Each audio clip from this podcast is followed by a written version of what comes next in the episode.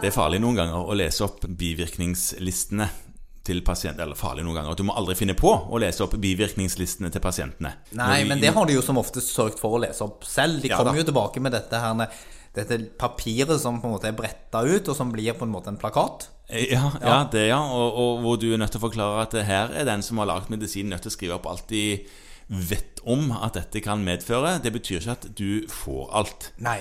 Men noen ganger så kommer det jo en eh, pasient som har fått noe, eller reagert på et eller annet som de har fått hos deg eller noen andre, og så sier de at det skjedde.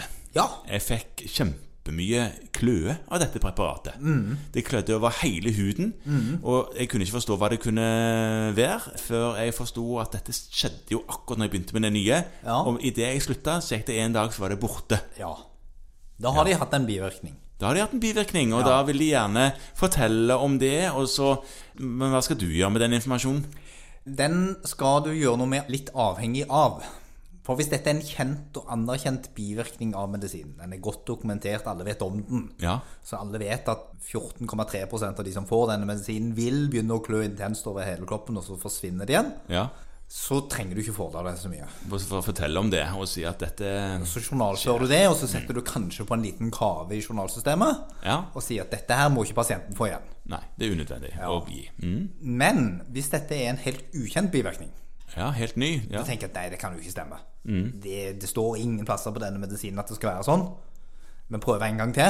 Ja. Skjer det igjen? Ja. Eh, Eller hvis det er en medisin som er under særlig overvåkning. Og det melder av og til SLV fra om.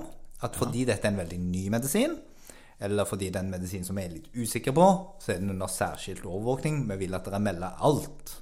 Ja, det er de som har denne eh, sorte trekanten på seg, hvis du slår opp i felleskatalogen. Ikke sant? Da skal du melde fra om bivirkningen. Ja, og da hva, sender du brev, da, eller faks kanskje, siden vi er de eneste i verden som, som holder på med faks fortsatt, til SLV og sier fra om det. Ja, selv om du kan sende fax, så er det ikke sikkert mottakeren vil ha fax. Nei. Eh, så i dette tilfellet så er det jo da sånn at det er en nettressurs. Ja. Ja, den er jo selvsagt eh, som alternativet ikke integrert i journalsystemet ditt. Nei. Det burde den sikkert vært, men, men det får man få hjelp av noen datafolk til. Men her må du på det berømte internettet, og så må du gå inn på en side som heter det veldig overraskende navnet melde.no. Melde.no. Mm. Eh, og når du går inn der, så får du egentlig fem valg.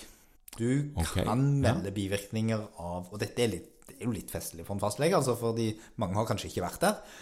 Men eh, du kan da melde bivirkninger av legemidler og eller vaksiner. Ja, for det, denne meldesiden har vel kommet litt grann i fokus i forbindelse med covid-vaksineringen. Det, det er en sånn ting som der du skal melde bivirkninger. Hvis folk har bivirkninger av covid, så skal du melde det. Ja. Og så kan du melde bivirkninger av eh, kosmetikk, faktisk. ja, da Ja. er jo kanskje ikke du den som har gitt dette middelet, kanskje? Nei. Nei. Eh, og så kan du melde uønsket hendelse, og det er òg viktig. Altså, du kan velge u- uønsket hendelse med medisinsk utstyr. Ja.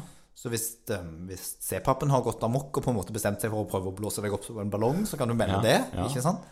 Eller at du har satt eh, kriseadrenalin i tommelen istedenfor i låret fordi du har hatt den opp ned, den pennen, som jeg har vært med på en gang. Ja, det er en uønsket hendelse, Mm. det er helt sikkert. Til mitt forsvar da, så var det i gamle dager når den pennen så annerledes ut, og det var helt, helt umulig å vite hvilken vei den skulle være. Ja. Det har selvsagt ingenting med kompetanse å gjøre. Nei.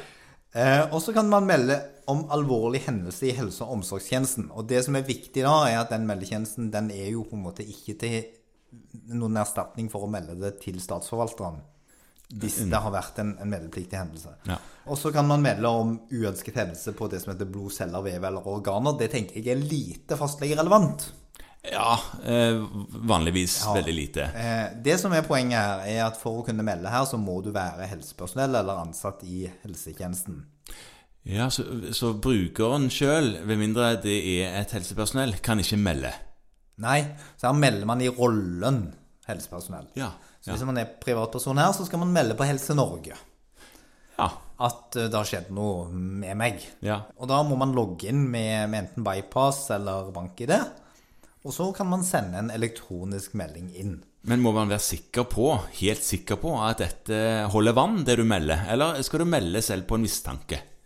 Ja, altså, det du skal være sikker på, er at det har skjedd noe. Ja. Årsakssammenhengen Det er det opp til andre å vurdere. Ja. Så da sitter det noen på desken på melde.no og samler inn og sier at oi, her er enda en sånn som har kløe på dette. Ja. Ja. Og så kan det medføre at eh, nå har vi fått så mange meldinger om at disse pasientene får stor nese, at det må vi slutte med. ja. Med mindre det var var for sånn mikronasal tilstand denne, denne medisinen skulle gis, da. Da er jo hele poenget å få stor nese. Ja, og da meldes det heller ikke som en bivirkning. Nei. Sånn at det er viktig å huske på at vi er faktisk pliktige til å melde fra Mhm. når noe galt skjer. Ja. Og da er det egentlig lett, for denne ressursen er tilgjengelig. Det er litt sånn knot at du må sitte og fylle inn en del informasjon selv. Men hvis vi ikke gjør det, så vil jo potensielt farlige bivirkninger gå underkjent lenger. Og det er jo til skade for pasientene våre. ja. Og så slipper du kanskje neste gang å få den eh, jobben med å melde fordi at noen andre har gjort det for deg. Ikke sant?